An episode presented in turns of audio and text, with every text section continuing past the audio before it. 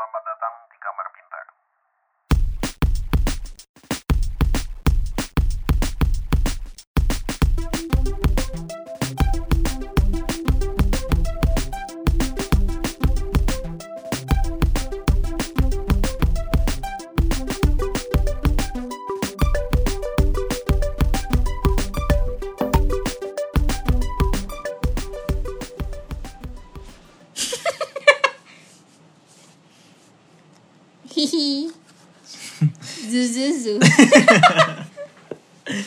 Openingnya sama. Entar kok kan kayak kayaknya udah dengerin deh.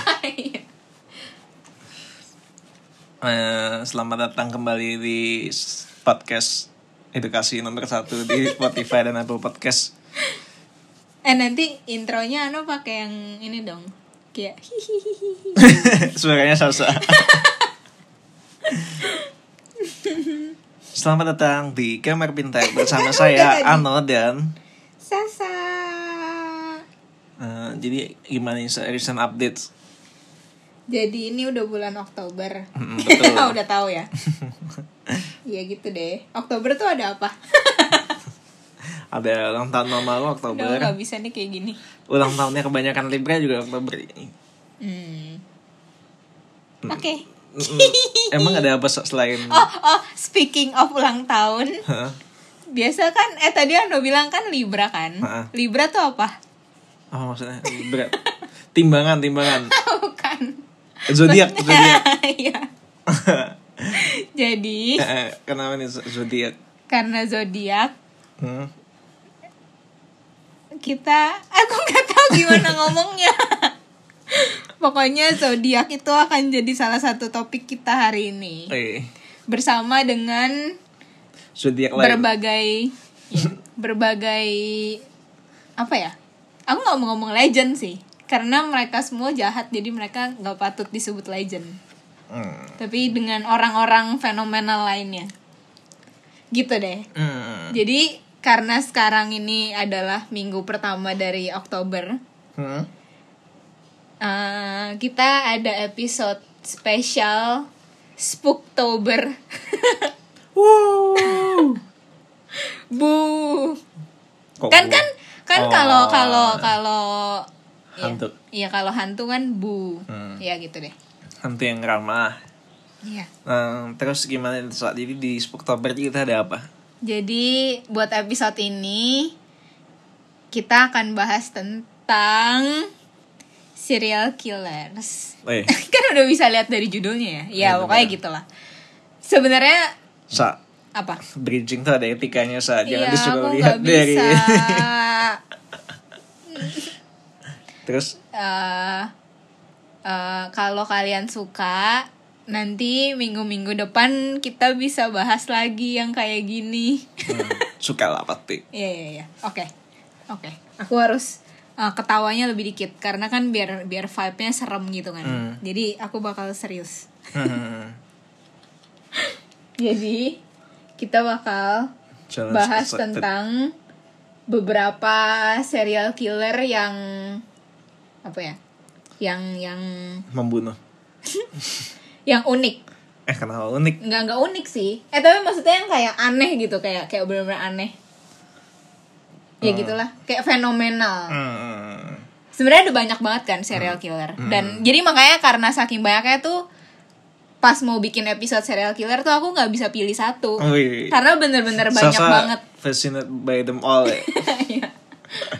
thanks karena kayak bener-bener banyak banget kan jadi kayak aku nggak bisa pilih satu jadi makanya di episode ini tuh akan ada gabungan dari beberapa serial killer tapi kalau misalkan ternyata banyak yang tertarik dengan yang kayak gini nanti kita bisa bikin part 2 nya Hmm. dengan serial killer lainnya Hmm, hmm, hmm. gitu deh tapi bisa juga satu episode satu serial killer Hmm. jadi kita tes dulu deh pokoknya bawel banget sih nggak mulai-mulai jadi yang mau aku bahas hari ini ada empat orang Wih. yang pertama si Ahmad si Ahmad. Ahmad Suraji. Ahmad banyak, Suraji. banyak banget Ahmad di dunia ini Ahmad Dhani eh kan kita nggak boleh ketawa Eh. Ahmad Suraji terus Ted Bundy kalau Ted Bundy pasti banyak yang tahu lah Terus Dennis Rader. Dennis Rader nih pasti eh mungkin jarang ada yang tahu tapi nanti ada nickname-nya yang mungkin Ah. bakal banyak yang tahu. Terus yang terakhir, Hmm? the last but not least Hmm. itu Zodiac Killer. Wih, Itu favoritnya Ano. enak aja. Favorit. I, apa idola, role model. oh my god. Iya. Jadi pertama kita ke si Ahmad Suraji dulu ya. Si Ahmad ini dia tuh uh, serial killer terkejam yang jumlah jumlah apa namanya? jumlah korbannya tuh terbanyak di Indonesia. Hmm, hmm, hmm. Jadi di Indonesia kan ada banyak juga serial killer. Nah, yang terbanyak ini nih Ahmad Suraji. Dia itu dari Medan, Hmm. Sumatera. Utara. Hmm. Jangan terlalu gitu dong, Sa. Enggak, aku aku tulisnya Sumatera Selatan. ya, Sumatera Utara, guys. Nah, Tapi jadi kenapa Sasa nggak bilang Sumatera Selatan aja sekalian? soalnya tadi aku kayak mau nunggu Ano kan. Kayak kira Ano bakal ngomong selatan. Terus kayak Loh utara. Oh oke. Ano pasti lebih bener. Jadi dia korbannya itu ada 42 Dan semuanya itu adalah Anak perempuan dan wanita. Hmm. Jadi semuanya itu female. Hmm. Eh, Terus dia di Eh jadi awalnya itu dia tuh adalah dukun Di Medan. Tahun eh, Pertama kali dia bunuh tuh 1986 Sampai 1997 Hmm. pembunuhannya itu. Jadi sekitar 9 tahun ya. Hmm. Eh, 11 tahun, 11 tahun. Pertama tuh dia tuh dikenal sebagai dukun. Hmm. Jadi disebut datuk, Oh. datuk Maringgi. Oh. Kayaknya ada filmnya gak sih? Datuk Maringgi tuh kayak kayak Iya. familiar gitu pas Iya, aku iya, baca. iya. Nah, jadi dia tuh mulai dari dukun dan target audiensnya itu adalah perempuan. audience. Targetnya aja kali target audience.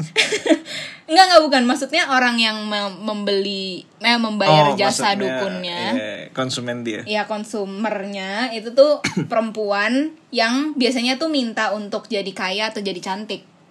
Hmm. Jadi kayak buat pakai apa namanya? susuk, Susuk ya bener. susuk kental manis. Iya.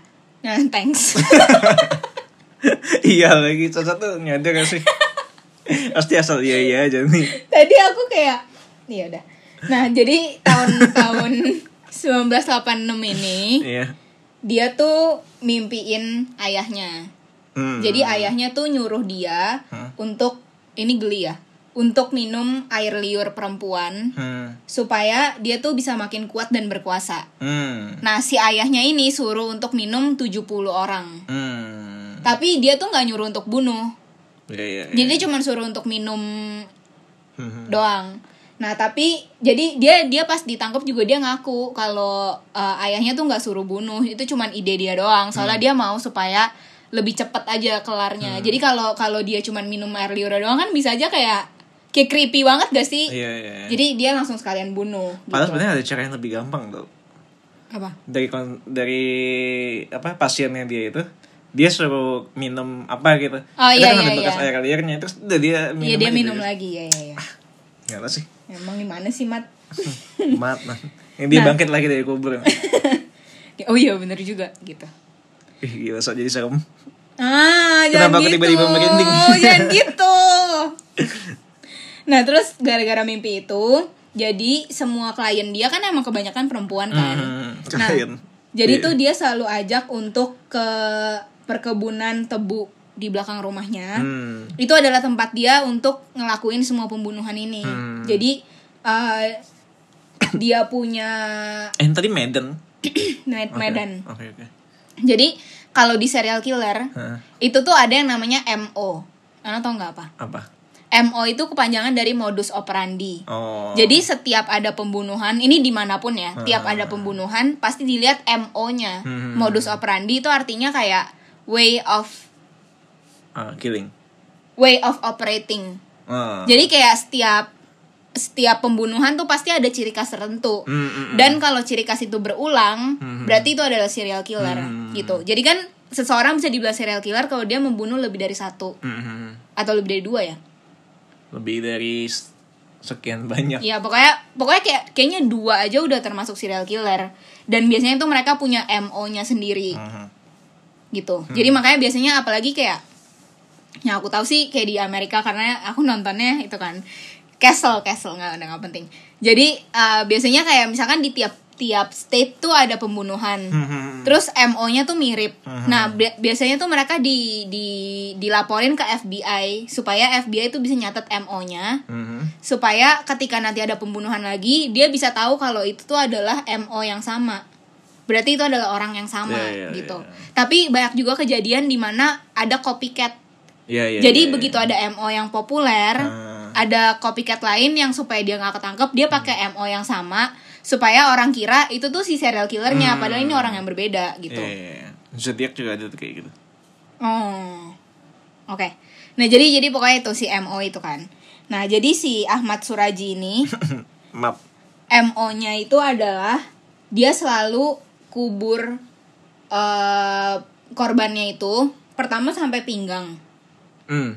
Terus jadi dia Eh, tuh sampai bilang, pinggang tuh berarti maksudnya kepala sampai Ah. pinggang masih ada atau iya iya iya, Oh. masih ada di permukaan tanah.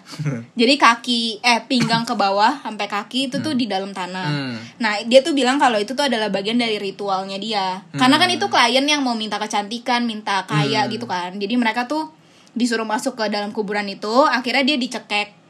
Terus diminum air liurnya. Terus kan dia udah mati kan? Hmm. Pas udah mati, dikuburnya lebih dalam lagi, tapi kepalanya selalu ngadep ke rumahnya. Hmm. Jadi semuanya tuh kayak berbaris ngadep ke rumahnya semua. Oh, baris. Kayak Baris ini ini kan gitu atau enggak berantakan sih, enggak enggak Oh. baris lurus gitu. Cuman kayak kira kayak dia OCD juga ya kalau kayak gitu kayak wah, miring nih gitu. Enggak, enggak, enggak, bukan kayak terracotta soldiers gitu, enggak, enggak. Ah. Cuman kayak jadi kayak semuanya tuh kayak menghadap ke ke rumahnya gitu Ah. kepalanya. Ah, Pokoknya gitulah. Nah, jadi totalnya itu ada eh, 42. Dua, Sampai ya. akhirnya tahun 1997 dia ketangkep karena ada aku nggak tak aku lupa ini pacarnya atau suaminya si cewek itu Oh. yang dibunuh itu tuh nyadar dia nggak pulang-pulang tapi Hmm. tiga hari sebelumnya tuh Emang sebelumnya gak ada yang nyadar? Kayak kayak nggak pernah ketahuan nggak pernah dicari gitu loh Oh. entah kenapa nih ini tuh kayak terakhirnya Hmm. nah terus akhirnya dicari terus ketahuan tiga hari sebelumnya itu tuh abis diantar ke rumahnya Ahmad Suraji ini Hmm. akhirnya eh, ada tukang kebun atau petani gitu kayak nemuin mayat di kebunnya itu Hmm. Nah akhirnya baru dilapor polisi Terus dibongkar semua kebun tebunya itu Hmm. Baru akhirnya ditemuin banyak banget mayat Dan totalnya itu ada 42 Dan bahkan udah banyak yang saking dikomposnya Hmm. Saking udah udah udah apa namanya Ah, terurai, terurai. Sampai udah nggak bisa dikenalin lagi itu siapa Ah. Tapi pokoknya totalnya ada 42 Akhirnya dia ditangkap polisi Terus tahun 2008 Dia dihukum Vonis. mati Ah. dengan cara ditembak. Hmm. Terus katanya istrinya itu juga uh, membantu dia. Hmm. Jadi istrinya tuh cuman dapat uh, penjara seumur hidup. Hmm. Tapi kalau dia itu dia dieksekusi mati si Ahmadnya itu. Tapi kalau aku lihat istrinya tuh ada tiga. Tapi nggak tahu apakah ini al- alias atau gimana. Soalnya namanya mirip gitu, Tumini sama Tuminah gitu. Ngerti ya doang ya ada beda. Oh. Iya nggak tahu sih, tapi yang aku baca tuh Tumini Hmm. namanya, Baiklah, baiklah. gitu. Itu tentang si Indonesian serial killer. Hmm. Next ada Ted Bundy. Hmm. Jadi Ted Bundy kayak familiar gak sih? Ano tahu nggak? Tahu dong. Jadi si Ted Bundy ini salah satu yang the most popular. Sebenarnya kalau dilihat dari jumlahnya, Hmm? eh jumlah yang dia akui korbannya itu ada 30. Hmm. 30 orang. Tapi eh, menurut detektif dan orang-orang yang menyelidiki kasusnya dia, katanya tuh jauh lebih daripada itu. Kayak bahkan bisa nambah satu digit lagi. Jadi berarti Hmm. ratusan. Tapi si Ted Bundy cuman ngaku 30 doang. Nah, terus eh, dia tuh terkenal juga Hmm? karena ini ini ini lumayan pertinent to the story ya. Dia tuh ganteng. Ya, ya, ya, ya. Nah, jadi eh pertama, jadi dia tuh pinter juga, terus dia ganteng. Hmm. Dia ini terus, bukan sih eh, law. Iya, law Law student. student, nah. Dia jadi masuk jurusan hukum, tapi kampus yang nerima dia tuh bukan kampus yang top. Jadi dia tuh dapetnya kampusnya yang kayak biasa Bukan aja. Ivy League ya? Iya bukan Ivy League. Jadi dia tuh maunya masuknya tuh kayak ke Yale, Harvard gitu loh. Harvard, Dia kayak udah daftar banyak banget tapi yang nerima tuh kampus yang biasa aja. Hmm. Nah itu yang bikin dia jadi males kuliah. Jadi dia tuh cuman kuliah satu bulan. Abis itu dia mulai bolos-bolos. Hmm. Nah terus dia punya Kacau. pacar pertama. Jadi pacar pertamanya namanya Diana. Hmm. Tapi kalau browsing di internet itu yang muncul tuh namanya Stephanie. Hmm. Karena Stephanie itu nama samarannya supaya si Diana ini nggak nggak nggak selalu dicari-cari orang. Steph- Jadi jadi kalau di buku-buku di dokumen-dokumen tuh ditulisnya tuh namanya Stephanie. Tapi padahal nama aslinya tuh Diana. Hmm. Gitu. Jadi itu cuma nama samaran doang. Jadi si pacar pertamanya ini eh begitu tahu dia DO dari kampusnya, Kampusnya. diputusin. Hmm. Nah, karena diputusin ini, ini yang membuat dia tuh jadi eh mulai kayak marah dengan semuanya gitu. Hmm. Dan itu adalah awal mula dia mulai bunuh-bunuh orang. Hmm, hmm. Dan semuanya yang dibunuh itu pasti kulit putih dan Hmm. rambutnya coklat. Sama persis dengan pacarnya. Hmm. Jadi itu kayak bentuk pembalasan dendam dia Ya, ya, karena ya, dia ya. nggak bisa balas ke pacarnya. Jadi semua cewek-cewek yang mirip sama pacarnya Ah. itu dibunuh sama dia Ah. gitu. Nah awalnya tapi dia tuh kayak cuman sexual assault doang, nggak Hmm. nggak dibunuh. Tapi akhirnya dia mulai bunuh dan uh, cara dia ngebunuh mo-nya itu Hmm. adalah dia tuh pura-pura cedera antara pakai tongkat atau pura-pura tangannya patah. Hah. Terus dia minta tolong cewek-cewek untuk bantuin bawain barang ke mobilnya. Ah. Jadi makanya pertinen karena dia ganteng. Iya, iya. iya. Jadi kayak cewek tuh nggak mungkin kayak takut gitu loh. Nah. Kalau misalkan mukanya udah serem terus minta tolong anterin ke mobilnya kan kayak pasti kita nggak akan mau kan. Nah tapi karena dia tuh mukanya kayak kayak kalem, Meyakinkan. ganteng, jadi banyak yang mau bantuin. Mhm. Nah begitu lagi nganterin barang ke mobilnya langsung di diculik terus langsung dibunuh. privilege-nya orang ganteng. Iya. gitu. Nah, terus eh, jadi mobil dia itu mobil kodok warna coklat muda. Ambil kodok tuh Beetle. Iya, VW. eh, VW kodok. Beetle coklat muda. Nah, jadi begitu dia udah mulai banyak ngebunuh, Hmm. kan mulai terkenal kan, banyak yang banyak. banyak yang nyari dia kan. Dan mobilnya tuh kayak distintif banget kan, Iya. kayak coklat muda, pokoknya mobil kodok. Akhirnya dia memutuskan buat jual mobilnya. Ah, Nah, karena dia jual, jadi gampang dong nge-tracknya. ah. Akhirnya eh, ketemulah si Ted Bundy ini. Akhirnya ketahuan kalau itu tuh pemiliknya adalah si Ted Bundy. Dan di mobilnya juga ditemuin banyak rambut rontok dari cewek-cewek yang dia culik itu. Mhm. Kirain banyak ketemu skirancinya cewek-cewek gitu. Nah, Tapi kok dia bodoh juga ya. Maksudnya dia harusnya ngerti kalau iya, kalau itu bisa dia bisa ketangkep ya. mantesan dia nggak masuk Ivy League. Iya, iya. Nah, gitu akhirnya dia ketangkep kan. Tapi bukannya dia tadi Sasa bilang dia pinter ya? Si Ted Bundy ini. Nah, ini kepintaran dia ini. Heeh. Ini setelah ini. Ini aku mau cerita. Jadi kan dia udah ketangkep kan. Ah. Nah, karena dia pinter dalam hal hukum, Hmm. Dia tuh nggak mau ada pengacara. Hmm. Jadi dia mau represent dirinya sendiri Hmm. Oh, di boleh pengadilan. Boleh. Ah. Nah, pokoknya itu terjadi di. Ted Bundy, Ted Bundy tuh gitu. Dia represent dirinya sendiri. Jadi dia yang kayak nyari pokoknya kayak dia defend dirinya sendiri lah, nggak pakai pengacara. Terus dia bilang kalau misalkan dia lagi presentasi ke juri, kalau dia pakai borgol, kelihatannya nanti bisa bias kan. Hmm. Jadi dia minta untuk nggak diborgol. Terus dia bilang kalau dia mau ke perpustakaan di penjara itu untuk riset buat kasusnya dia. Hmm. Terus pas dia lagi riset, dia lompat dari lantai dua, terus dia kabur. Hmm. Dengan bo- borgol. Enggak, kan dia udah minta buat nggak diborgol. Tapi kan harusnya nggak diborgol pada saat persidangan Iya aja dong. kan? Iya, pokoknya itu itu ya. Itu Itu kayaknya bukan dia yang pintar tapi sipirnya yang bodoh. Iya. Terus pokoknya akhirnya dia kabur. Tapi dia ini sih apa namanya kakinya patah. Soalnya kan dia lompatnya dari Oh. lantai dua kan. Tapi pokoknya intinya dia berhasil kabur sampai enam hari. HP-nya Sasa dari lantai dua aja ini ya apalagi kaki orang. Thanks. Nah terus pas abis dia kabur eh, enam hari kemudian dia ketangkep. Terus di penjaranya dia gergaji temboknya jadi nggak tahu dia dapat gergaji dari mana tapi dia berhasil gergaji temboknya terus dia kabur lagi Hmm. terus akhirnya dia ke Florida Hmm. jadi itu udah dia udah bebas tuh udah nggak ketemu nggak ada yang ketemu tapi dia udah kayak most wanted gitu Hmm. kayak udah dicari-cari di mana-mana sampai akhirnya di Florida eh, ini ini akhirnya sampai ke pembunuhan terakhir dia yaitu di dormitory kampus Hmm.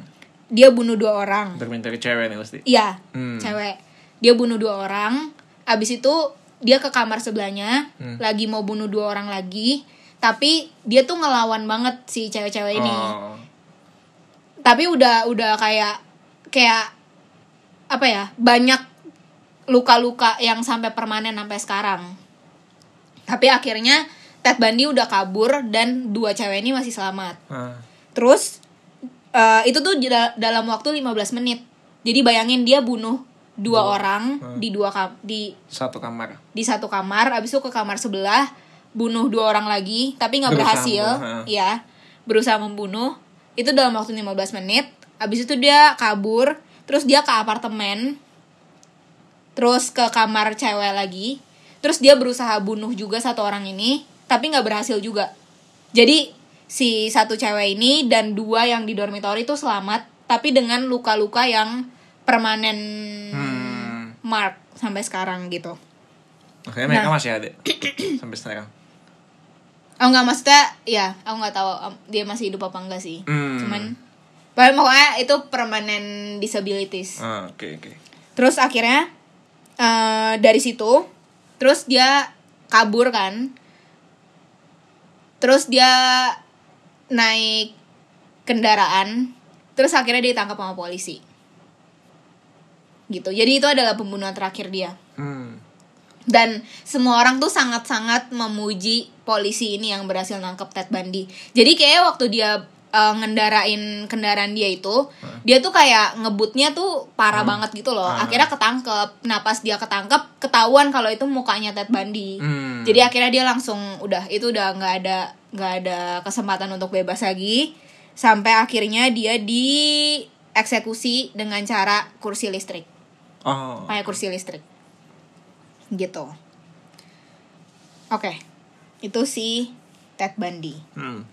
terus yang selanjutnya ada si Dennis Rader Hmm. nah ini yang aku bilang kayak namanya nggak familiar tapi nickname-nya mungkin familiar Hah. jadi dia nama julukannya adalah Nama BTK iya BTK. heeh, Apa tuh? BTK BTK Apa tuh? Itu adalah singkatan dari MO-nya dia Oke. yaitu bind, torture, kill. Hmm. Jadi dia selalu ikat si korbannya diikat, Hmm. disiksa, habis itu baru dibunuh. Hmm. Nah, korban dia itu ada 10 orang. Hmm.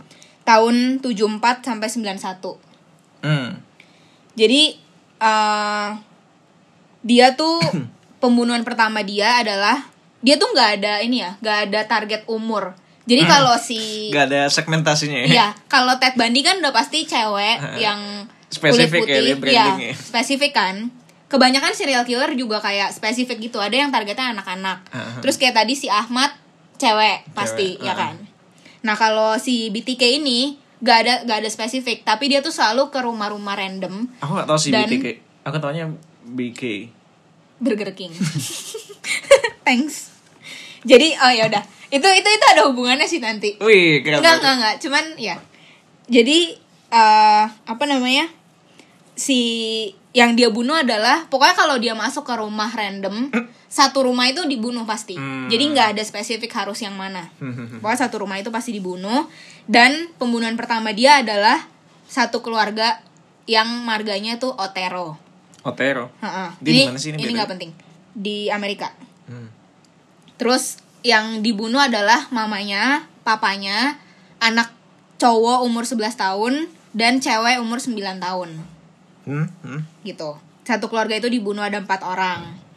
Nah setelah dia ngebunuh, dia tulis surat ke polisi untuk kayak kayak nge apa ya tis tis menggoda polisi itu. Ah. kayak dia tuh bilang kalau itu tuh gua gitu. Tapi lu tuh gak akan Oh. berhasil nangkep gua pokoknya gitu. Pokoknya dia kayak meng- kayak mempermainkan polisi-polisi lah pokoknya.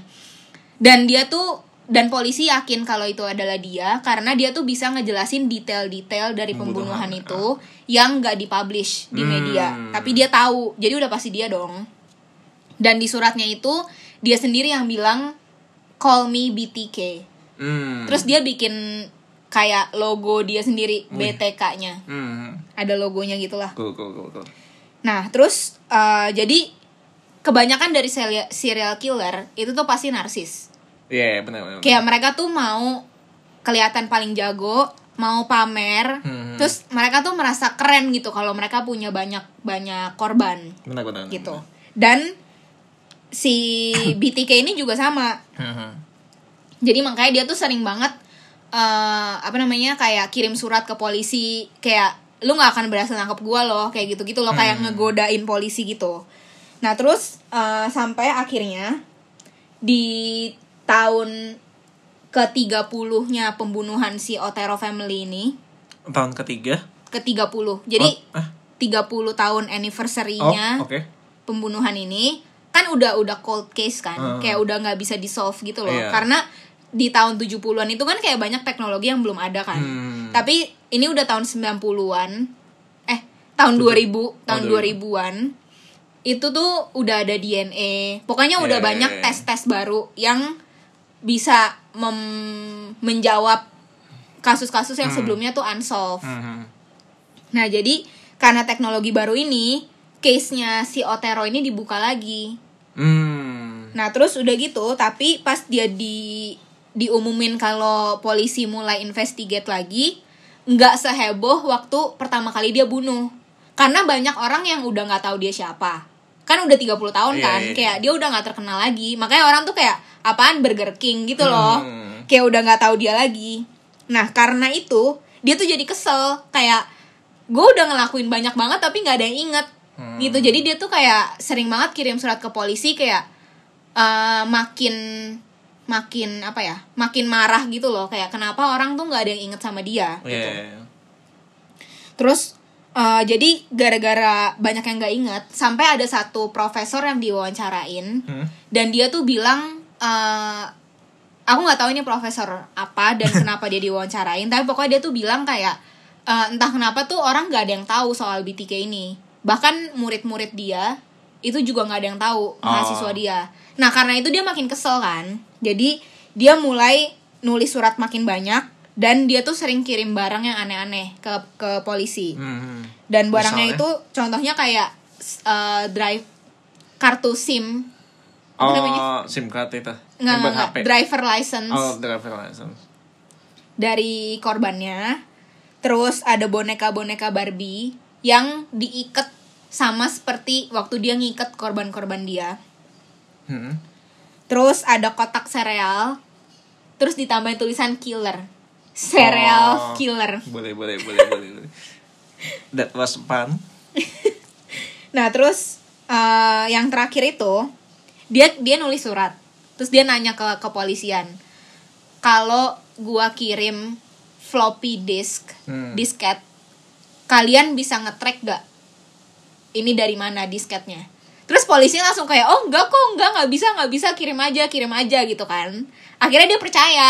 Jadi dia tuh udah tua, udah udah 60-an tahun Iya, iya, iya. dan dia tuh nggak ngerti teknologi jadi begitu polisi bilang nggak bisa akhirnya dia kirim si disket ini dan disket ini tuh berisi banyak informasi tentang pembunuhan dia juga jadi dia kan kayak narsistik banget dia tuh mau pamer intinya Yeah. tuh dia mau pamer jadi dia tuh ngejelasin banyak banget detail pembunuhannya dalam disket itu Hmm. dan karena dia kira nggak bisa di track jadi dia santai-santai aja dong Hmm. akhirnya polisi berhasil nge-track Hmm. disket ini tuh dari komputer mana Ah, iya, iya. iya. Usernya. Soalnya ada metadatanya gitu kan. Mm-mm.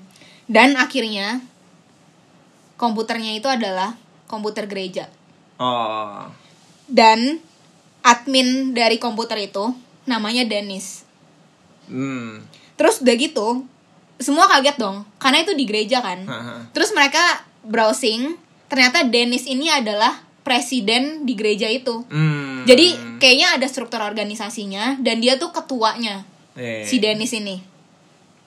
terus semuanya udah kayak semua polisi tuh udah langsung uh, kaget dan Ini maksudnya berarti dia kayak pastor kayaknya kalau gereja tuh ada kayak struktur kepengurusannya gitu aku juga nggak Ah. ngerti sih tapi dibilangnya tuh kayak president of the church Oh, oke oke. gitu oke. jadi bukan pasturnya tapi Iya, kayak iya, iya. presiden di organisasinya gitulah terus polisi-polisi semua udah ngumpul di rumah dia tapi tuh kepala kepala kepolisiannya tuh bilang jangan soalnya ini tuh belum kuat buktinya kuat, ah. soalnya kan bisa aja dia pinjem komputernya kan Iya, iya, iya. akhirnya di track kalau si Dennis ini punya anak dua Hmm. satu cowok satu cewek Hmm.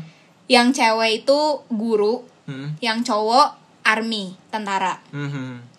akhirnya mereka tuh mau buat uh, supaya lebih kuat buktinya dengan ngambil DNA dari anaknya Oh. oke. soalnya kan kalau DNA kan kalau keturunan tetap bisa kan Tetep, iya, iya, iya. akhirnya dia uh, minta data dari sekolahnya si anaknya yang cewek buat dapetin DNA-nya akhirnya dapet dan itu cocok Hmm, tapi sebenarnya yang anak cowok, anak cowok juga bisa tuh. Kan dia Iya, di iya, kan dia di army kan. mi- militer kan. Pasti dia mau lah kalau untuk Iya, tapi pokoknya yang diambil adalah dari yang cewek, terus dan itu match, Hmm. itu cocok DNA-nya. Nah, terus akhirnya ditangkap dong, karena ini udah udah pasti banget, udah nggak mungkin bukan. Terus udah gitu sampai keluarga itu semua kaget, hmm. kayak mamanya kaget, anak-anaknya juga kaget kayak nggak mungkin, soalnya mamanya tuh maksudnya si istrinya. atau- istrinya, istrinya. Oh. kayak dia tuh presiden di gereja, jadi Iya, dia iya, tuh iya. kayak sangat-sangat apa ya baik Alim. dan kayak disukai banyak orang Iya, iya, di iya. gereja terus kayak uh, polisi juga wawancarain anaknya kan ditanya dia pernah nggak abuse anaknya Hmm. atau kayak nunjukin keanehan tertentu yang kayak nunjukin kalau dia tuh jahat gitu loh. Hmm. tapi anaknya tuh bilang enggak. Kayak semua tuh dididik dengan sangat baik. Hmm. terus kayak anaknya yang cowok tuh disuruh kayak sangat menghormati perempuan. Hmm. kayak nggak pernah benar nggak pernah ada ada ajaran yang negatif gitu loh. Dan dia nggak pernah berantem sama istrinya nggak pernah abuse anaknya. Jadi itu benar mengagetkan banget. Tapi itu beneran dia. Dan eh, salah satu pertanyaan terakhir yang dia tanya ke polisi adalah kayak dia nanya kok bisa bisanya kalian bohongin dia? Karena kan pas ditanya disketnya bisa, Bisa dilacak, dilacak. apa enggak dia bilang nggak bisa kan. bisa. tapi ternyata bisa. Dia bilang kayak how dare you lie to me gitu. Ah. dia bilang. Pokoknya gitulah. Dan gara-gara ini ada satu dokumenter namanya The Killer Among Us Hmm. jadi itu adalah cerita gimana sebuah Imposter. serial killer, iya imposter. Serial killer tuh kayak sangat gak bisa didetek dan bisa aja tuh dia ada di antara kita. Iya, iya, iya. Karena itu yang terjadi sama si BTK ini. Hmm. Kayak bayangin lah dia aktif di gereja, Hmm. tahu-tahu dia serial killer coy. Gitu. Berarti gerejanya gereja Kristen nih. Gereja Kristen. Iya. Soalnya dia kayak Christian Luther Iya. apa Oh, gitu. Luther, ya. Iya. Gitu deh. Jadi aku juga nggak ngerti sih strukturnya, tapi pokoknya kayak kayak nggak usah presiden, anggota Iya, aja. iya, iya. Kalau ternyata serial killer aja udah ngagetin banget gak sih? Hmm. Tapi ini ternyata ketuanya coy, gitu. Makanya itu kayak the killer among us. Oke, oke, oke, oke. Menarik. Oke. Terus sekarang yang terakhir dan the apa? Ano punya most favorite Guys. case itu adalah The Zodiac Killer.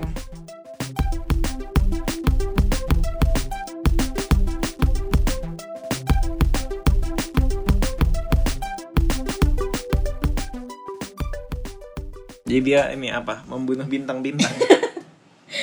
Jadi aduh, Aduh, jangan batuk dong. si Zodiac Killer ini sampai sekarang tuh masih unsolved dan belum ketangkep, guys. Jadi bisa aja dia ada di Indonesia sekarang.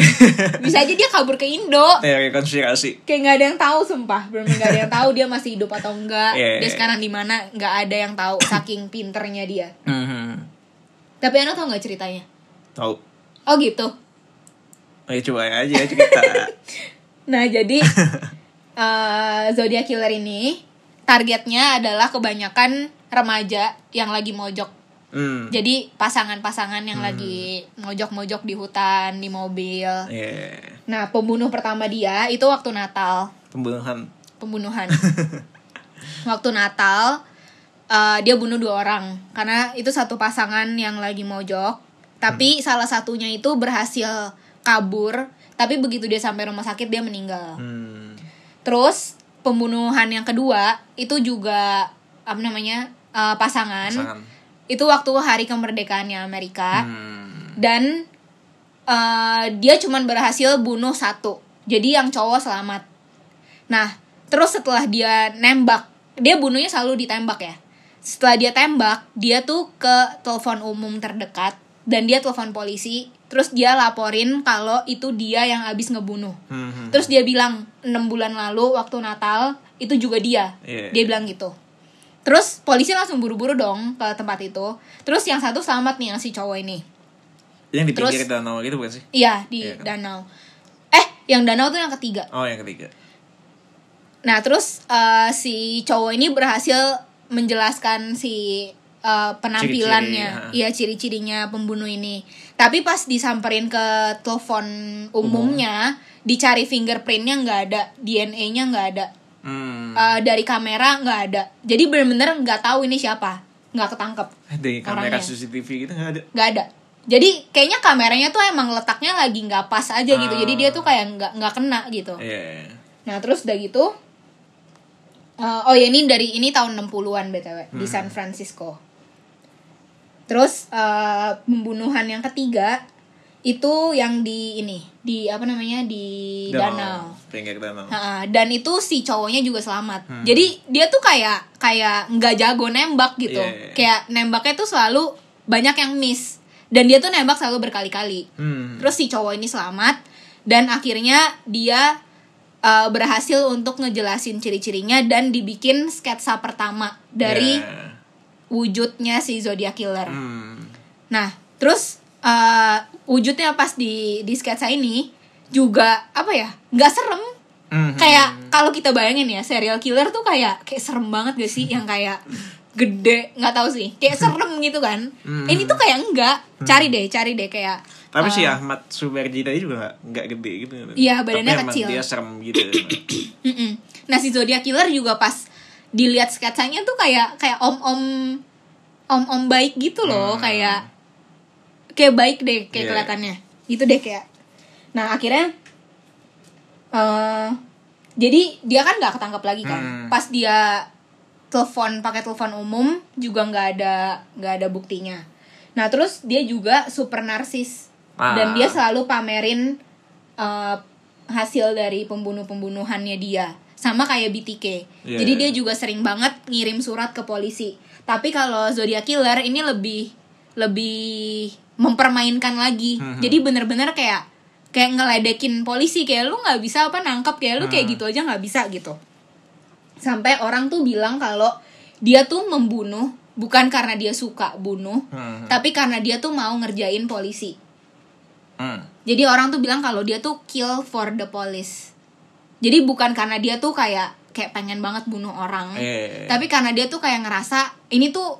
permainan yang polisi tuh nggak bisa Ah. solve gitu jadi dia tuh menganggapnya itu a very dangerous game Hmm. jadi dia sendiri yang bilang kalau itu tuh a very dangerous game Hmm. dia bilangnya game nah terus eh, nama zodiak ini muncul dari surat yang dia bikin ke polisi Eh, di suratnya itu di paling bawah tuh ada lambang lingkaran terus ada plusnya Hmm. Kayak target gitu. iya ya kayak target dan itu tuh lambang zodiak Hmm. katanya tapi aku tuh nggak tahu itu lambang zodiak apa Iya. pokoknya itu tuh adalah lambang zodiak dan dia sendiri yang bilang Hmm. eh, call me the zodiac killer Hmm. Terus di suratnya juga ada dia tuh sering banget nulis surat ke media juga. Hmm. Jadi bukan ke bukan cuman ke polisi, tapi ke malah koran. Dia tuh eh, ngirim suratnya emang cuman ke media nih. Ada Iya, juga yang ada juga yang ke polisi. Hmm.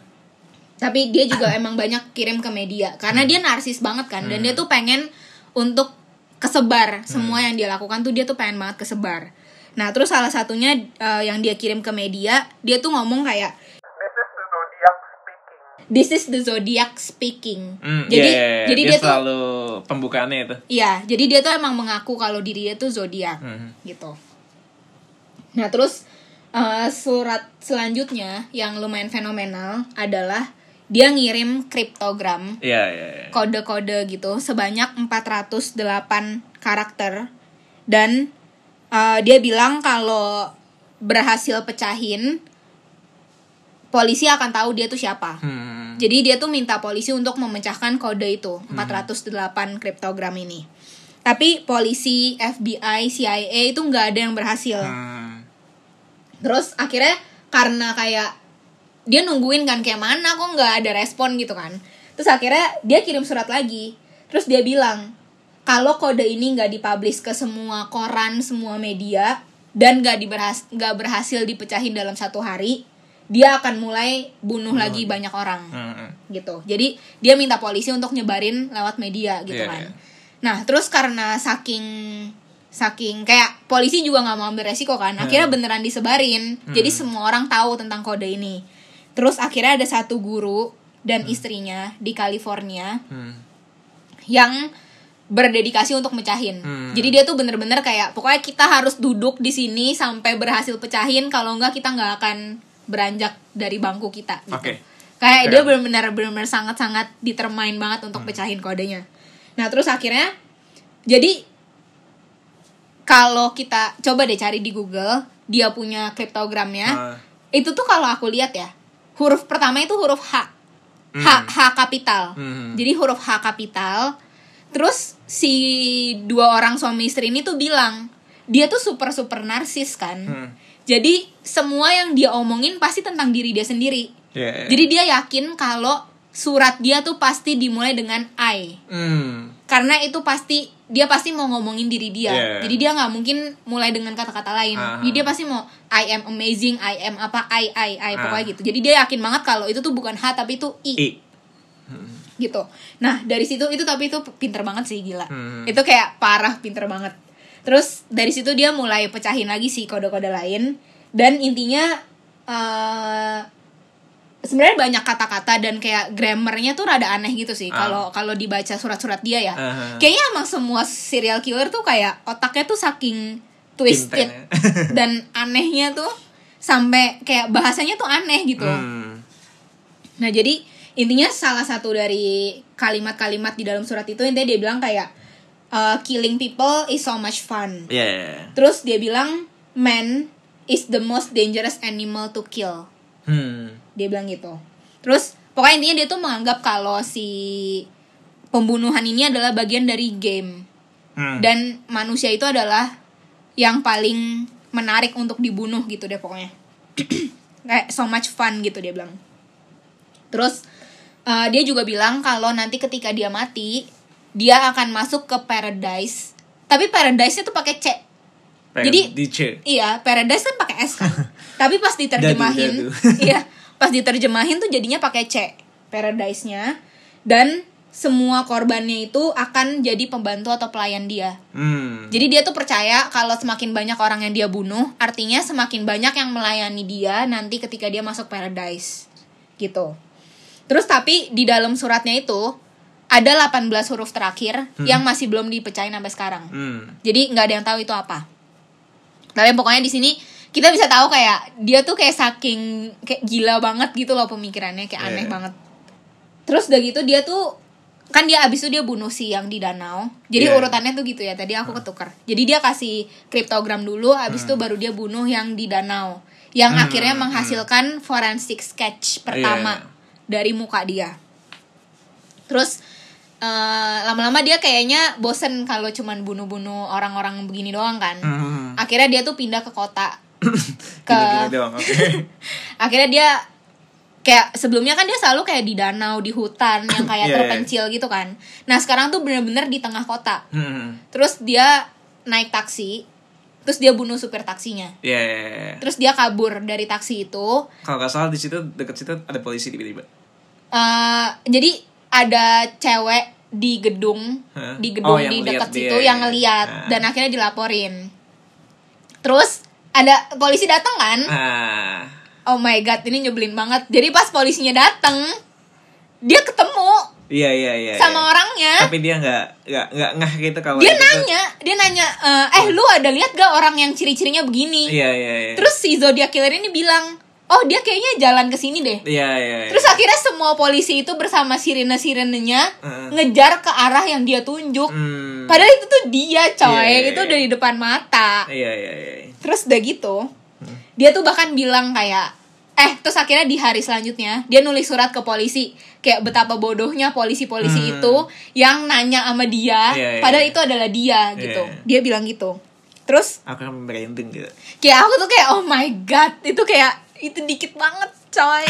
Terus udah gitu eh dia tuh sampai bilang kalau di malam itu Hmm. suara sirenenya tuh kayak kayak seolah-olah mau ngadu sama motor-motor. Hmm. motor-motor yang di sana. Jadi dia tuh kayak nganggep ini tuh kayak sirenenya tuh cuman buat ngadu ngadu sama motor-motor doang. Jadi dia tuh kayak dia tuh kayak nganggepnya tuh sirine ini karena polisinya tuh kayak mau saling ngadu sama suara motor. Kayak dia tuh nggak merasa kalau dia tuh lagi dikejar Oh, atau dia oke. tuh lagi dalam bahaya atau ini tuh hal yang serius. Dia tuh nganggepnya kayak itu mobil-mobil polisi lagi pada main-main sama motor-motor gitu. Hmm. kayak dia tuh nganggepnya gitu. Terus eh, udah gitu akhirnya dia di dalam surat itu juga dia bilang kalau dia tuh akan mulai target anak-anak lewat mobil eh bis sekolah. Iya iya iya. jadi kalau di Amerika kan banyak banyak school bus kan. Nah jadi dia tuh mau naruh bom di school bus itu. Tapi eh, nggak pas sampai berbulan-bulan tuh selalu kayak diawasin banget kan tiap mobil-mobil sekolahnya. Tapi tuh nggak ada nggak pernah ada.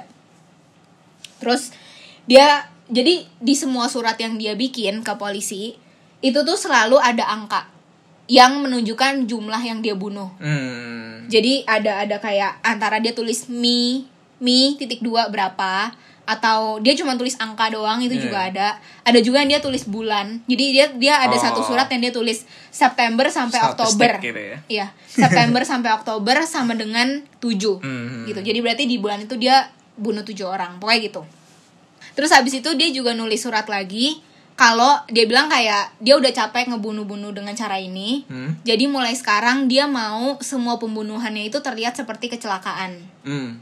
Jadi semua kecelakaan yang ditemui di jalan orang nggak akan tahu itu tuh gara-gara dia Atau gara-gara atau kecelakaan. emang beneran kecelakaan gitu. Salah satu kasus yang pertama adalah mobil ibu-ibu ini Hmm. sama anaknya. Eh, dia tuh bilang kayak eh itu rodanya Iya, rodanya iya, iya, ada iya. kenapa tuh rota- rodanya gitu. Terus akhirnya pas mobilnya minggir si ibu-ibu ini dia tuh bilang kalau dia tuh bisa bisa benerin Mhm. rodanya. Terus dia pura-pura benerin. Terus Anaknya setelah masih bayi bukan sih? Apa balita gitu? Masih kecil? Iya pokoknya masih kecil. Terus setelah dibenerin, tiba-tiba malah copot. Jadi pas mereka jalan lagi kan akhirnya iya. jalan kan, malah copot. Terus akhirnya si Zodiac Killer ini nyamperin lagi kayak eh sorry sorry banget sorry banget tadi cuman pengen bantuin doang sebenarnya. Terus akhirnya dia nawarin ibu ini dan anaknya untuk dianterin pakai mobil dia. Hmm. Akhirnya masuk ke mobilnya, begitu masuk si Zodiac Killer ini langsung ngomong kayak berbagai cara dia mau ngebunuh si ibu dan anak ini Hmm. akhirnya kayak udah bener-bener serem banget dah pokoknya Iya, iya, iya. terus sampai ada satu belokan Nah. terus si ibu-ibu ini langsung merasa ini adalah kesempatan dia untuk kabur jadi begitu ada belokan itu kan dia kan kayak mobilnya pasti harus kayak lebih pelan gitu kan Iya, karena iya, mau iya. belok akhirnya si ibu sama anak ini langsung keluar langsung Hmm. pokoknya langsung mengguling-gulingkan gitu, dirinya Iya, dan iya. dia tuh tiduran di rumput-rumput iya. terus di rumput ini akhirnya dia udah udah nggak ketahuan lagi soalnya kalau dia tuh bilang kalau dia lari pasti kelihatan kan Hmm. jadi dia tuh bener-bener kayak tengkurap gitu loh di Hmm. rumput jadi kayak nggak kelihatan karena itu udah malam kan akhirnya dia lolos Hmm. terus si ibu-ibu ini juga langsung lapor ke polisi terus langsung eh, ibu ini bilang kalau itu tuh si zodiak karena pas lihat sketsanya tuh sama persis Iya, iya, iya. iya. Terus besokannya Zodiac Killer ini juga kirim surat ke polisi tentang malam Si itu. Malam itu. Iya, jadi itu salah satu attempt pertama dia Hmm. untuk bikin kayak seolah-olah kayak accident. Terus jadi setelah itu tuh kayak nggak akan tahu lagi kalau itu tuh hasil pembunuhan dia atau bukan. Hmm. Karena kayak semua kecelakaan bisa aja gara-gara dia kan. Iya, iya. Gitu. Nah, Pintar sampai juga. Iya. Nah, sampai akhirnya di surat yang terakhir dia tuh bilang sebenarnya ada banyak sih yang yang dia omongin di surat itu, tapi eh, agak apa ya? Kayak kata-katanya tuh kayak sastra banget gitu loh. Ah. Jadi ngerti. aku juga nggak ngerti dia tuh maksudnya mau ngomong apa dah. Tapi intinya dia tuh bilang kalau The Exorcist Heeh. jadi aku nggak tahu The Exorcist ini maksud dia adalah ritualnya Heeh. atau film. Hmm, tapi emang udah ada ya film itu? Nah nggak tahu. Tapi dia bilang The Exorcist is the best sarcastic comedy I've ever seen. Oh sebenarnya dia bilang uh, satirical sih. Tapi satirical kan kayak sarcastic. Jadi dia tuh bilang kayak itu adalah komedi yang kayak terbaik yang dia pernah lihat. Terus di akhir dari suratnya di Hmm. pojok bawah dia tuh tulis mi titik dua tiga tujuh SFPD hmm. nol. Jadi kayak skor.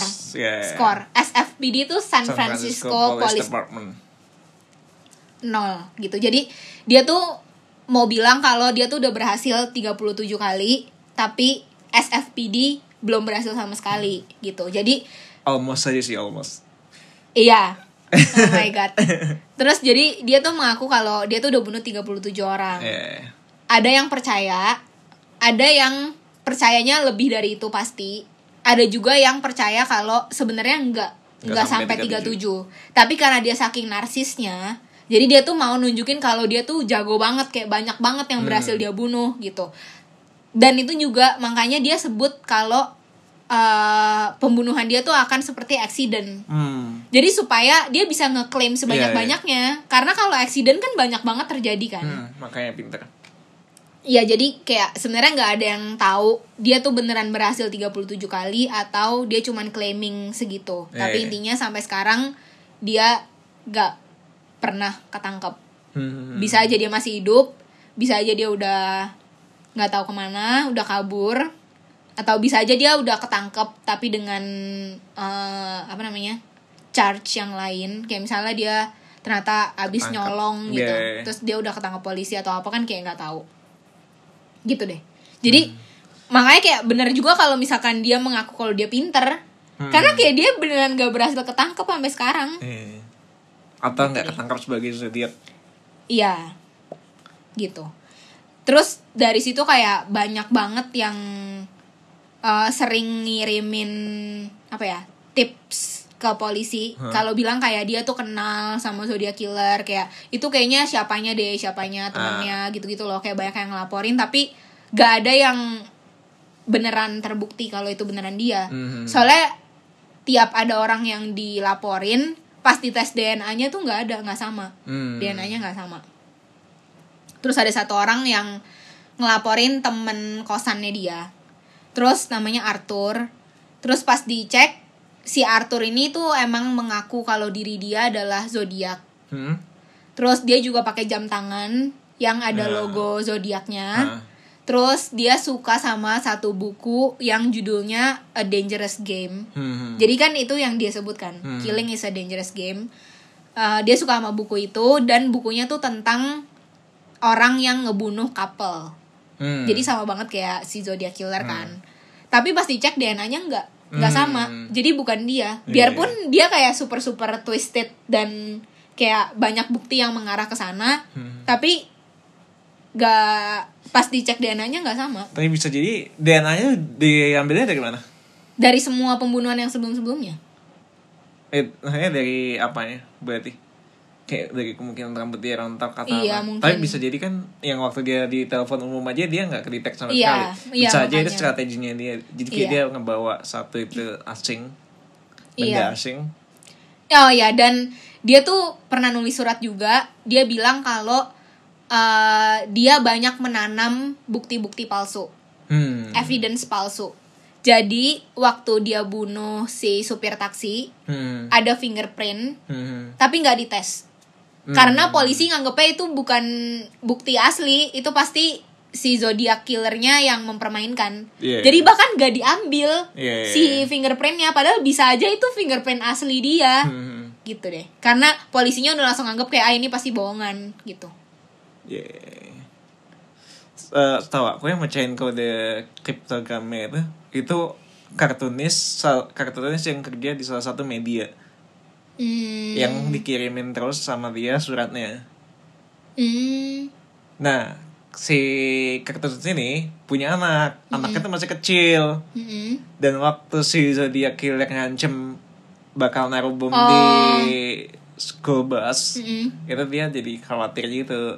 Dan bahkan si orang ini, si kartunis ini, dia udah kayak sempet nyari-nyari gitu ke apa ke ya nyari-nyari ke rumah-rumah gitu kayak bahkan dia sempat ketemu satu orang yang lumayan mencurigakan gitu dan hampir kayak dia hampir celaka lah dia dan orang ini kayak rada rada aneh gitu emang Hmm. terus Iya, iya. eh, dia akhirnya nerbitin buku salah satu salah satu jadi kan si zodiac killer ini eh iya zodiac killer ini kan teorinya banyak kan Mm-mm. nah dia salah satu yang bikin teorinya gitu Hmm. dari based on experience dia Hmm. Ya ya ya. Well. gitu nah itu akhirnya yang difilmkan Hmm. dari si orang ini gitu Hmm gitu ya. Aku malah dapetnya tuh itu yang mecahin tuh guru sama istrinya. Hmm, tapi setahu aku dia emang kayak eh, aku nggak tahu sih dia. Oh kayaknya dia tuh kayak emang mecahin sama pacarnya gitu deh. Oh iya. Apa iya. apa istrinya itu yang guru? Aku nggak tahu lupa juga gimana. Hmm. Pokoknya em, m- apa? Jadi jadi dia tuh dicerain sama istri pertamanya. Kayaknya karena dia terlalu into kasus ini terus Hmm. dia ketemu satu cewek ini dan kayaknya mungkin mereka mecahin bareng aku lupa gimana. Lama banget itu filmnya. Hmm. dua jam atau tiga jam gitu Iya iya iya. iya. terus eh, akhirnya mereka nikah gitu punya anak terus kayak sempat ngancem ditinggal lagi si istrinya sempat ngancem bakal ninggalin si Ini dari filmnya. dari filmnya Oh iya. Cool cool cool. Iya iya iya. Tapi di internet kan aku kayak cari-cari surat-surat dia kan. Hmm. Dan banyak hasil scan dari aslinya. Iya, iya. Terus kalau dilihat ya, si suratnya tuh apa namanya? typeface-nya tuh beda. Hmm. jadi jadi dia punya handwriting tuh beda-beda kayak ada yang benar-benar super-super miring banget ke kanan. Hmm. Ada juga yang kayak lurus kayak biasa. Ada juga yang kayak pakai huruf sambung. Kayak gitu kayak dan beda-beda. kalau nggak salah sempat ada teorinya juga dia tuh bisa gunain tangan kanan sama tangan kiri sama bagusnya kalau nggak salah ya Wow. Gila. Iya iya iya. Nah, jadi yang aku tahu kalau tulisan kita miring ke kiri, Heeh. itu artinya kita eh enggak. Jadi rata-rata kebanyakan serial killer itu tulisannya miring ke kiri. Hmm. Kayak ke kiri tuh kayak artinya negatif gitu. Hmm, hmm, hmm. Tapi si zodiac killer nih tulisannya ke kanan banget. Iya. Kayak bener-bener miring ke kanan, super-super ke kanan. super Iya kayak kayak bener-bener miring Coba cari deh di Google Kayak aku tuh nyari banyak Iya, banget iya, kan iya. surat-surat dia Mhm. Tapi tuh kayak banyak yang tulisannya beda gitu Hmm, hmm, hmm. Ada yang kayak super-super ke kanan Mhm. Tapi ada juga yang kayak lebih lurus Pokoknya gitulah kayak beda-beda Tapi kalau dilihat tuh kayak bahasa-bahasa yang dia pakai Kayak grammarnya salah Terus kayak Kayak Kayak serem banget deh Serem Mhm. banget bacanya Iya. Kayak kita bisa lihat banget Betapa otak dia tuh sangat-sangat berantakan ah. gitu Dari bahasa yang dia pakai Hmm, hmm, hmm, hmm. gitulah kayak Iya, gila iya, sih iya. kayak bunuh satu orang aja tuh udah susah banget ini Iya, iya, kayak iya. bunuh sampai Enggak, kayaknya Banyak susah tuh karena kita tuh masih punya hati nurani aja Iya. susah. Kalau dia kan kayak mungkin dia kayak kayak susah bunuh nyamuk gitu. iya iya iya Iya. Kalau kalian penasaran bisa nonton serialnya di eh serial filmnya di Netflix itu namanya Zodiac. Mm-mm. Ted Bundy itu juga ada kalau nggak salah filmnya. Cuma Ted nonton- Bundy banyak banget sih dokumenterinya juga banyak banget terus bahkan dia tuh punya istri Hmm. terus ada anaknya juga tapi anaknya nggak ada yang mau publish ke media Iya, supaya iya. kayak kasihan banget kan kalau anaknya terkenal karena jadi anaknya Ted Bundy tuh Hmm. ya pokoknya banyak lah cerita tentang Ted Bundy BTK juga ada Hmm. uh, Killer Among Us si Ahmad nih nggak tahu deh kalau Nggak di Indo deh. mungkin Datuk Maringgi tuh ada filmnya gak sih aku Nah kayak iya aku tuh juga kayak. kayak familiar banget deh mungkin ada kali ya judulnya Datuk Maringgi Hmm. pokoknya gitulah Bisa jadi, bisa jadi. gitu deh Mantap. Soalnya terima kasih sudah membawakan apa namanya? tapi aku suka banget sih sama spine chilling vibes. kayaknya enggak deh kayak kita ketawa-ketawa mulu kayak nggak serem jadinya Tapi aku tadi yang pas zodiac kayak sampai beberapa kali merinding gitu. yang zodiak serem sih Iya. tapi kayak aku masih ada banyak banget yang serial killer lain. Hmm. Kalau kalian tertarik, please let us know. Iya, iya, Soalnya iya. aku pengen banget buat kasih tahu semuanya. Kayak aku suka banget sih nonton-nonton Ini dan Sasa dengerin ya, dia. apa namanya? eh idola-idolanya Sasa. Iya. Aku boleh boleh teaser dulu gak? Apa? Ada siapa aja? Boleh. Untuk yang selanjutnya kalau misalkan pada mau. Boleh, Tentu nggak ada yang mau. Jadi ada Charles Manson. Hmm. Dia tuh cult. Hmm. Dia pemimpin cult. Mhm. Terus ada Golden State Killer. Dia eh, MO-nya adalah setelah dia bunuh dia selalu makan di rumah Makan. pembunuhnya. Oh. Eh di rumah korbannya. Hmm. Jadi dia selalu makan. Iya, iya, Masak gitu kayak masak apa gitu. Kayak dia nggak langsung kabur. Hmm. Terus- Selalu banget. Mm-mm. Terus ada John Wayne Gacy. Hmm. Itu anak-anak Hmm. yang dibunuh. Jadi pokoknya iya diculik-culik gitu. Ada satu yang pembunuhnya itu adalah manajernya KFC. Tapi aku tuh Hmm. lupa itu tuh John Wayne Gacy atau orang lain. Hmm. Soalnya kayak kayak ceritanya tuh kayak mirip gitu kurang lebih kayak Ah. anak-anak cowok. Jadi dia tuh gay si yang KFC ini.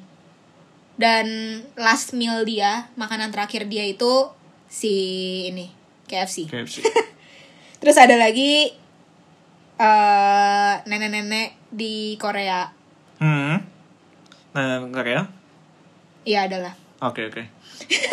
yang lain nama Terus- semua tiba-tiba ini Aku eh, lupa soalnya dia namanya siapa. Eh dia di Korea atau bukan ya? Nenek-nenek tapi yang pembunuhnya. Nenek-nenek. Oh, oke. Kayaknya di Korea dia bener.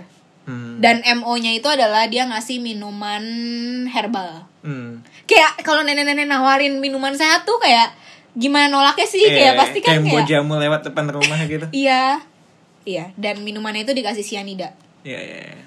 Terus yang terakhir ada Van Valenzuela Sister. Hmm. Jadi dia berempat. Bus. Oke. Dia kakak beradik empat cewek semua. dan dia tuh bunuh sampai sekitar 200-an orang. Ah. Dan semuanya itu adalah eh jadi dia tuh membangun rumah prostitusi. Hmm. Apa namanya? Iya, rumah prostitusi, rumah bordir. Iya, rumah bordir. Dan korbannya itu adalah semua si Eh, cewek-cewek. bordil. Bor- apa sih ya itulah pokoknya ya jadi semua korbannya itu adalah si cewek-cewek pelayannya Iya, iya, iya. itu dan banyak kliennya juga ya gitulah pokoknya ada 200 itu juga gila sih Mm. gila banget keren, keren, keren, keren. Gila, Sasa. Idola-idola ini Sasa. iya thanks Terima kasih buat Sasa yang udah eh, mengumpulkan cerita-cerita yang menyeramkan ini. Semoga menemani apa namanya? Menemani kalian selama Spooktober. iya buat sebulan Hmm, sebulan. Lumayan kan nanti kalian anxiety-nya sebulan ke depan. iya gitu deh Eh. sebenarnya aku tertarik sama yang di Indo juga sih aku Hmm. kayak penasaran soalnya ada Sumanto juga Iya, Sumanto. kanibal Hmm. kan di Jepang juga ada yang kanibal Hmm. Iya, iya, iya, gitu oke, deh. Well, enjoy your Spooktober guys. Hmm. Mau jadi apa no pas Halloween? Padahal di rumah doang. Iya. Lagian aku gak pernah ini sih. Gak pernah ikutan sesuatu. Iya, aku juga gitu. gak pernah. Oh, Harusnya aku, pernah- ikutan ini nih pas di Jepang nih. Apa? Oh, Iya, Halloween. iya Halloween iya harusnya gila gila gila. Itu pasti seru banget sih parah. Jadi Oh kayak emang God. itu di di katanya pas Halloween di Jepang itu, malam Halloween Jepang itu itu adalah kata orang tuh kayak eh proses oh ya eh, ospeknya polisi-polisi baru. Oh my god, aku juga ada banyak banget sih cerita pembunuhan pas Halloween. Iya iya iya. Hmm. Tapi lebih Biar- karena kekacauan gitu. Oh. Jadi kayak orang kan pada mabok gitu-gitu, tapi kayak Hmm. benar-benar disrespectful sama polisi gitu. Jadi kayak polisi-polisi Iya, iya, baru pasti, tuh pasti. dikasih dikasih panggung gitu di situ. Iya. Tapi kayak Halloween tuh adalah satu-satunya malam di mana kita tuh nggak bisa bedain dia tuh beneran luka atau dia tuh cuman makeup doang. Hmm. Jadi makanya pembunuhan yang terjadi di Halloween tuh lebih banyak yang lolos. Iya, iya. Karena kalau orang jalan berdarah-darah, Nah. kayak bisa aja itu cuman makeupnya kan. Heeh. Tapi bisa aja dia ternyata habis dibunuh gitu. Iya. Kayak Abis gitu. dibunuh mati dong. Kalau jalan lagi serem. Oh, oh, ada satu cerita yang dia tuh bunuh mayatnya. Mayatnya tuh ditaruh di mobil, Hah? tapi kakinya masih ngegantung. Oh. Tapi orang tuh kira itu dekor. Hmm. Orang kira itu dekor Halloween, padahal itu bener-bener mayatnya di depan mata gila. tapi kalau di Indo kayaknya masih Iya. ini sih. Indo Tapi kalau uh, kayak di barat kan kayak kalau Halloween tuh heboh banget kan dekorasinya satu rumah. Jadi bahkan kayak mayat beneran aja tuh dikira itu dekorasi coy. Iya, iya, iya. Gitulah. Gila gila gila. gila sih. Oh my god. Seru sih. Harusnya nggak Seru. ada Enggak sih, bukan yang seru pembunuhannya ya. Tapi seru Halloweennya. Aku pengen sih. yang melarang ini ya dekorasi yang kayak nyaru Iya. antara apa Iya iya. iya. pembunuhan sama Mm-mm. itu. Tapi jadi nggak festif. Tapi kalau di ya, Indo tapi kan demi keselamatan ini sa ya udah masa samanya festif mah Kalau di Indo mah gak mungkin sih Ya Iya. gitulah Aku tuh tahun lalu Nggak ada ini jadi panjang banget ya kita podcastnya. Enggak, enggak, enggak Tapi tahun lalu tuh aku pengen jadi Jojo Siwa sumpah. Hmm. Aku udah beli pitanya. Terus ternyata aku harus ada kerjaan Di Jakarta. Jadi aku nggak jadi. Padahal di tempat kerja aku tuh lagi ada celebration Halloween Oh, gitu. iya, iya. Di hari itu. Dan di hari itu aku harus ke Jakarta Gitu deh ceritanya. Hmm, Jadi aku masih punya pitanya. Terus nggak jadi aku mau pakai bisa dong di rumah buat story doang terus habis itu udah copotin lagi Iya. Oke, thank you Sasa yang udah apa nih bukan riset sih. Iya. Ya, Ya, riset sih cuman kayak Ya, thank you juga yang udah dengerin. hmm, jangan lupa dengerin kamar kamar yang lain ada ya kamar Eh, kumur, kreatif ada lagi kromatika. kromatik kromatik. kromatika mah Lady Gaga kali. Aku tuh selalu ingetnya kromatika. Ah, Oke. Eh, Hai Feb, hai eh, Cak, Pen, Ton. Temennya- Apaan, Sa? Temennya Febrin. David. Hai David. Eh, ya gitu. Oke, Terima kasih buat kalian yang udah dengerin. Jangan lupa follow kita di Instagram @kamersenior.id. Kalau kalian ada masukan dan saran bisa DM kita. Jangan lupa follow apa eh, Spotify-nya juga podcast podcast itu kamar kreatif walaupun lagi nggak produce apa apa jangan lupa di follow terus kamar pintar kamar Iya, kromatik dan kamar, kamar kumur. kumur. Dan kasih tau kita kalau kalian suka sama model cerita yang kayak gini, Hmm. Nanti kita bisa bikin lagi. Iya, Dan publishnya di Jumat Kliwon. malam Jumat, Tiap Jumat Kliwon malam kita Jumat. Malam Jumat Kliwon. iya. Jadi Kamis malam. Oh, oh. Iya. Yeah. Jadi kita bisa sering-sering bikin. Hmm, selesai yang bikin. Iya gitu Eh, deh. Oke. Oke, terima kasih sudah mendengarkan Thank you, episode kali ini yang panjang guys. banget kayaknya. Eh, sampai jumpa di serial killer lainnya. Oh, okay. Dadah. Dadah.